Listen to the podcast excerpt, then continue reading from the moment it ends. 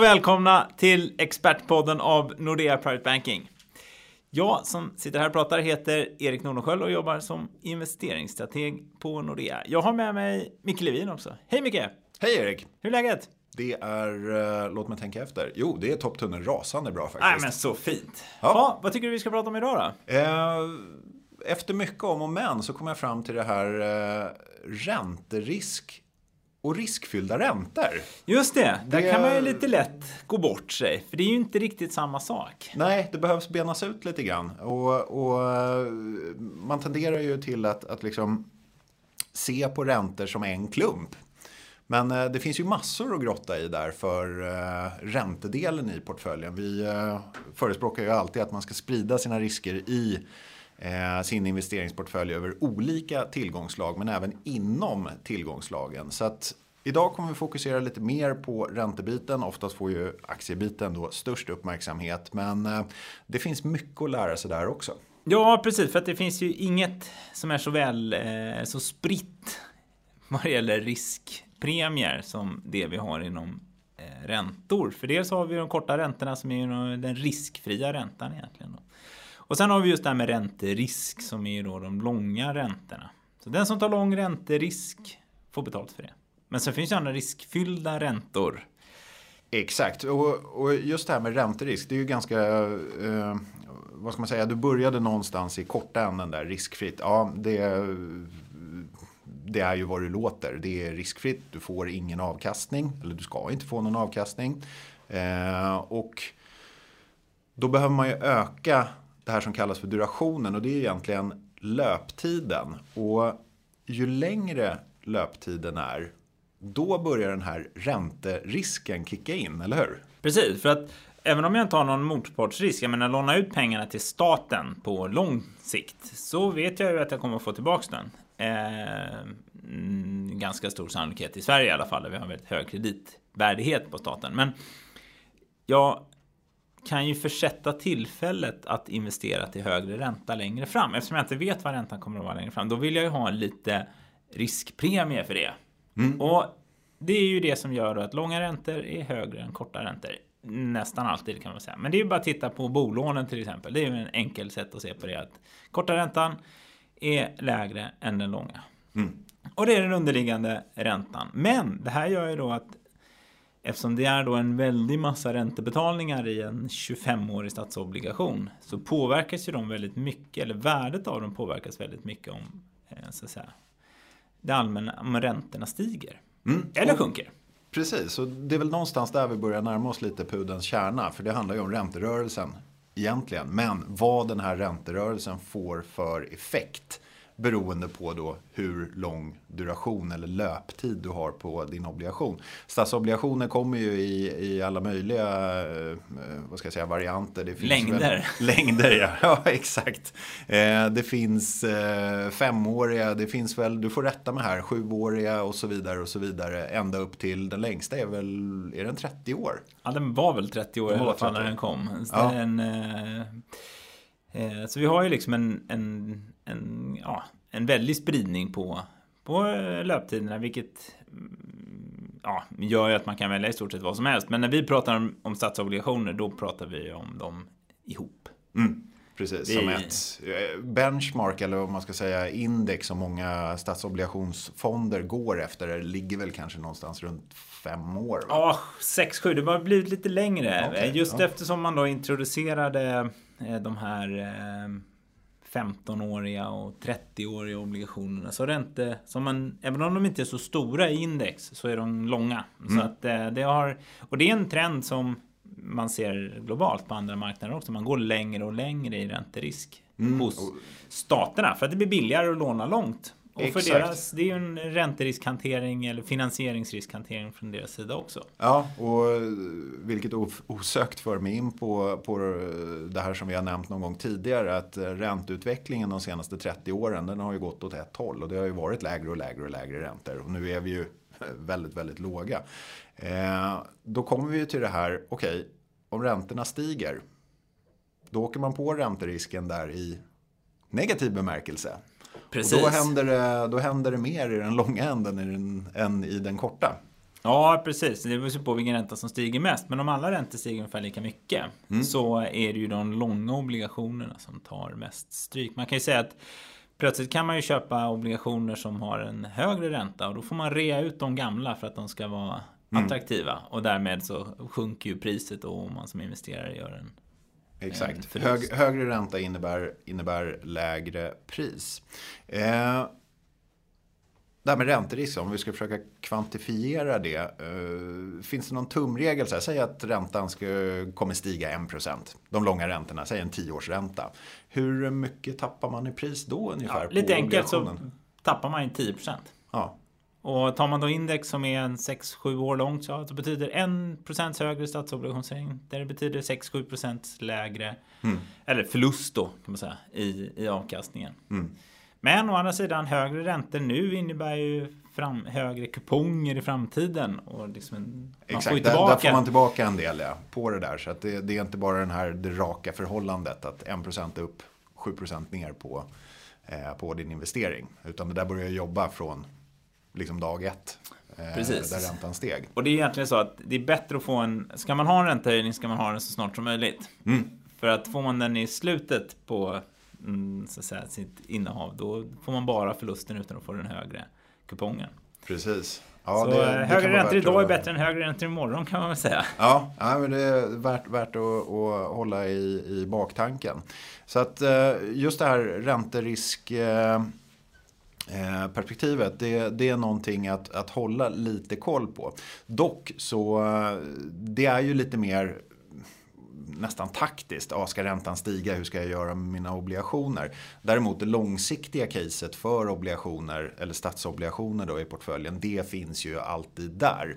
I och med att det är ju ja, en stötdämpare eller en försäkring som, som, eh, som du har i portföljen. Ja, den negativa korrelationen till aktier, den, det är ju eh, så här, den främsta anledningen. Även om räntan är skral så gör det att man sänker risken på hela portföljen med aktierna. Exakt, så bara för att alla och eh, en var säger nu att räntan ska upp så är det eh, enligt vårt sätt att se på det eh, liksom ingen signal att man ska kasta ut allt vad obligationer heter ur, ur portföljen. Nej, vi säger undvika statsobligationer men ha för guds skull kvar dem i portföljen. Ja, man som sagt lite, lite mindre än vad man normalt eh, skulle ha. Så att eh, ränterisk någorlunda avhandlat. Riskfyllda räntor då? Vad är ja, precis. På, det där på kan det? låta som en semantik. Det är klart, stiger räntorna då ter sig statsobligationerna som väldigt riskfyllda. Men, mm. eh, och det var lite som jag var inne på lite tidigare här. att Motpartsrisken i svenska staten anses vara väldigt liten. Mm. Men om du lånar ut pengarna till en bank eh, eller lånar ut pengarna till ett högbelånat eh, vårdföretag så är det en annan risk. Mm. Och ju högre risk det är i motparten desto då får du så att säga, en, en riskkompensation i form av kreditrisk eller kreditmarginal kan man väl säga. Mm. Och det är det som eh, i dagligt tal kallas vad, eh, vad har det här företaget eh, för rating. Precis, vi brukar prata om kreditratingar där man börjar i AAA som är staten i Sverige. Då. Eh, och så går det hela vägen till D som står för default, det vill säga då är det kaputt. Då är det kaputt. Ja. Eh, och så finns det en magisk gräns mellan det som kallas för trippel B minus och dubbel B plus. Det är något konstig eh, nomenklatur där när man går från trippel A till dubbel A till singel A till trippel B. Och sen när man går till dubbel B då kommer man till det som kallas för high yield. Mm. Och det är en massa bokstavskombinationer till det då. Mm.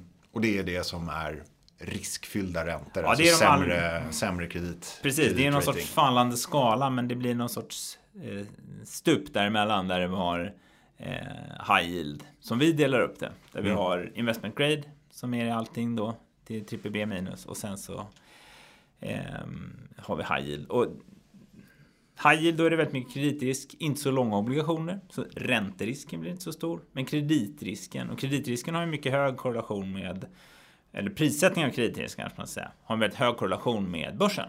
Mm. Så är börsen går bra, då går företagen bättre, då kan de betala sina lån i större utsträckning och så vidare. Då krymper kreditmarginalen och då sjunker ju den delen av räntan.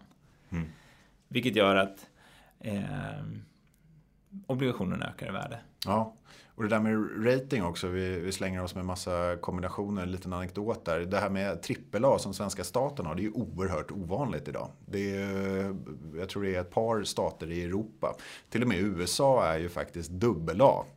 Eh, de blev ju nedgraderade där 2011 i, i eh, det här skuldtaksdebaclet som, som var där. Men eh, ja, det, det, går ju hyggligt för, för USA ändå. Och jänkarna ryckte ju lite på axlarna efter det där och sa att dubbel-A är det nya trippel-A och så var det inget mer med den saken.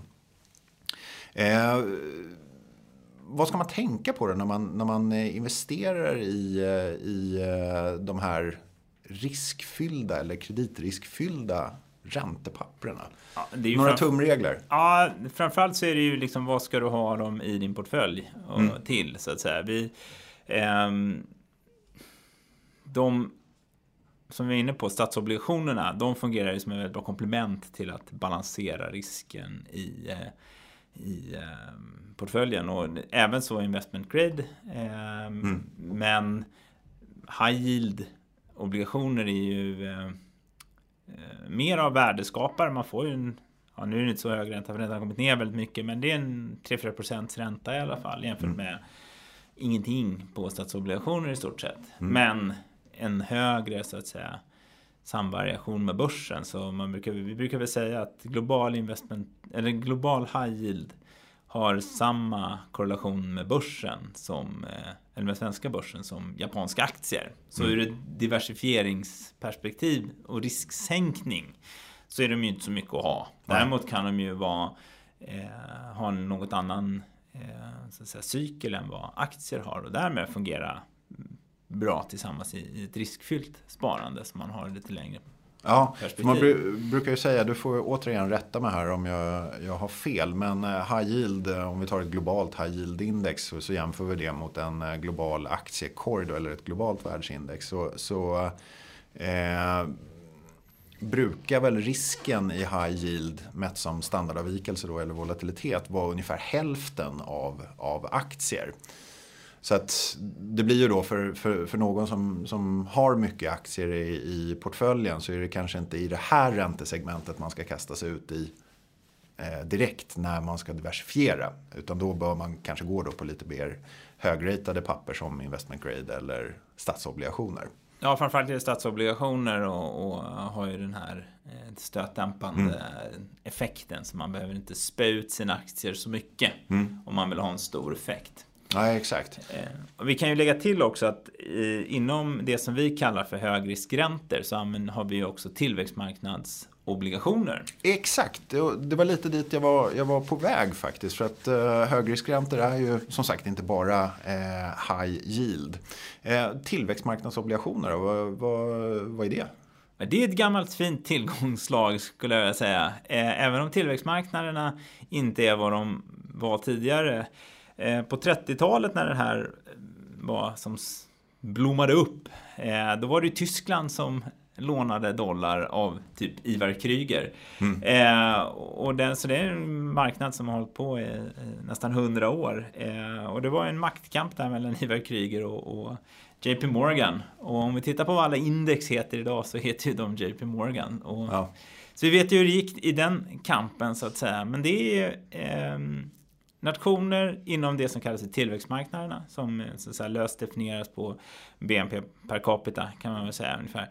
Eh, som lånar i hårdvaluta, vilket nästan alltid är dollar. Mm. För att de behöver det eh, så företagen kan importera mm. varor och så vidare. Exakt, så det, det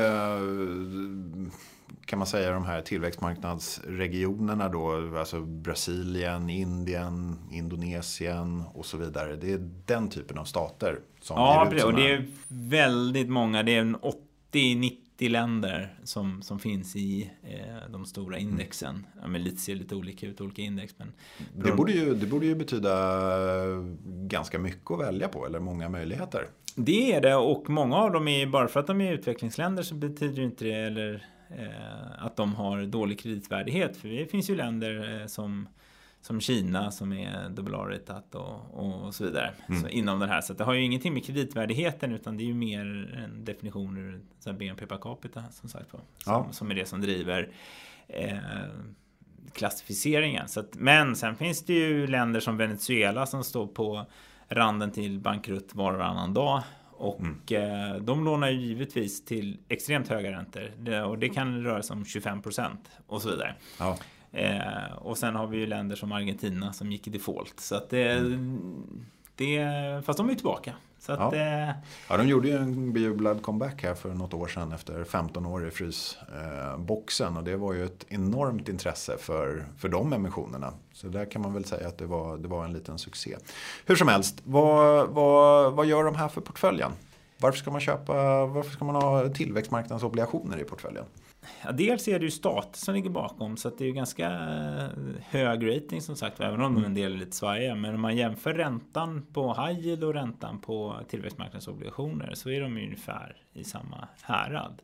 Mm. Men ratingen är mycket högre på tillväxtmarknadsobligationer så att det är ju så att säga bättre kreditvärdighet. Mm. Så på det sättet så är de ju lite säkrare. Och de har en tendens till att svänga lite annorlunda. Eh, många av tillväxtmarknads eh, länderna är ju oljeimportörer men väldigt många av high yield-bolagen är oljeproducenter så att du får mm. en lite annorlunda så att säga eh, sektorspridning kan man väl säga i, i mm. de olika. Eh, så de beter sig lite annorlunda. Eh, och sen finns ju då företagsobligationer också från tillväxtmarknaden. Ja, för nej, det, det, är, det är många, många, till, ja, precis, många tillgångslag eller ränteslag inom det här segmentet och tillväxtmarknadsobligationer. Vi kan ju bara tillägga att uh, vi har ju i vår taktiska strategi Eh, den kortsiktiga en, en eh, positiv syn på just eh, tillväxtmarknadsobligationer och den grundar sig ju lite på det här faktumet att de senaste 5-6 åren har ju inte varit någon munter period för tillväxtländerna. Det blev ju en ganska rejäl baksmälla där i, i, i spårva, kölvattnet av, av dels den här råvaruboomen som var under 00-talet och sen kom ju finanskrisen. Och en av anledningarna till att vi börjar bli lite mer positiva till det här det är ju att kapitalflödena de styrs ju väldigt mycket utifrån just det de här länderna kallas för, tillväxtländer. Att de har en högre tillväxttakt än vad vi har i väst. Och eh, när den här tillväxttakten, eller skillnaden i tillväxttakt ökar, då brukar kapitalet strömma från väst till då tillväxtländerna. Eh, de senaste 5-6 åren har det som sagt varit helt andra, eh, andra flöden. De har gått åt andra hållet för den här skillnaden har minskat. Men nu ser vi här framöver att, att eh, tillväxtländerna börjar få ordning på torpet och eh, de börjar växa snabbare igen än eh, vad väst gör. Eller skillnaden ökar och då, då har vi i korten att eh, de här kapitalströmmarna ska vända lite. Ja, precis. Och, och framförallt så slår ju det mot valutan. Mm. För att man kan ju köpa de här tillväxtmarknadsobligationerna i hårdvaluta så att säga. Men de har vi som svenska investerare hedgat bort all valutarisk på. Så att de mm. är ju som amerikansk investment grade ur det perspektivet. Men de stora tillväxten på statsobligationssidan eller även på företagsobligationssidan. Det är de lokala marknaderna. Mm. Eh, och eh, de är ju då i de lokala valutorna. Så där får man ju den här valuta effekten. Mm. Och dessutom så har man mycket högre riskfria räntor i de här länderna. Generellt ja. sett. Vilket gör att obligationerna ger mellan 6 och 7 procent i snitt i ränta. Så du får hög ränta, men du får valutaexponeringen. Mm. Nu tror jag att valutaexponeringen ska gå till rätt håll, så vi väljer att lyfta in lokalvaluta obligationer i strategin, i den taktiska allokeringen. Eh, för att vi tror att det kan få en extra skjuts. Och de har ju gått som tåget mot svenska kronan här eh, ett bra tag. Och vi är väldigt positiva till tillväxtmarknader överlag. Men mm. då eh, även på obligationssidan. Och mm. det är en betydligt mindre värd av obligationer. För att många av de här obligationerna och framförallt valutorna är omgärdade av en hel del restriktioner.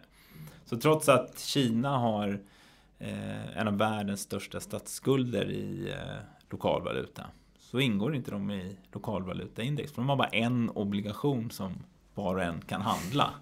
Så att det, är, det är inte tillräckligt mycket för att de ska få vara med. Men det är de så att säga, usual suspects även här. Så det är Brasilien, Ryssland, Turkiet, Polen, eh, Indonesien och Malaysia som är de så här stora.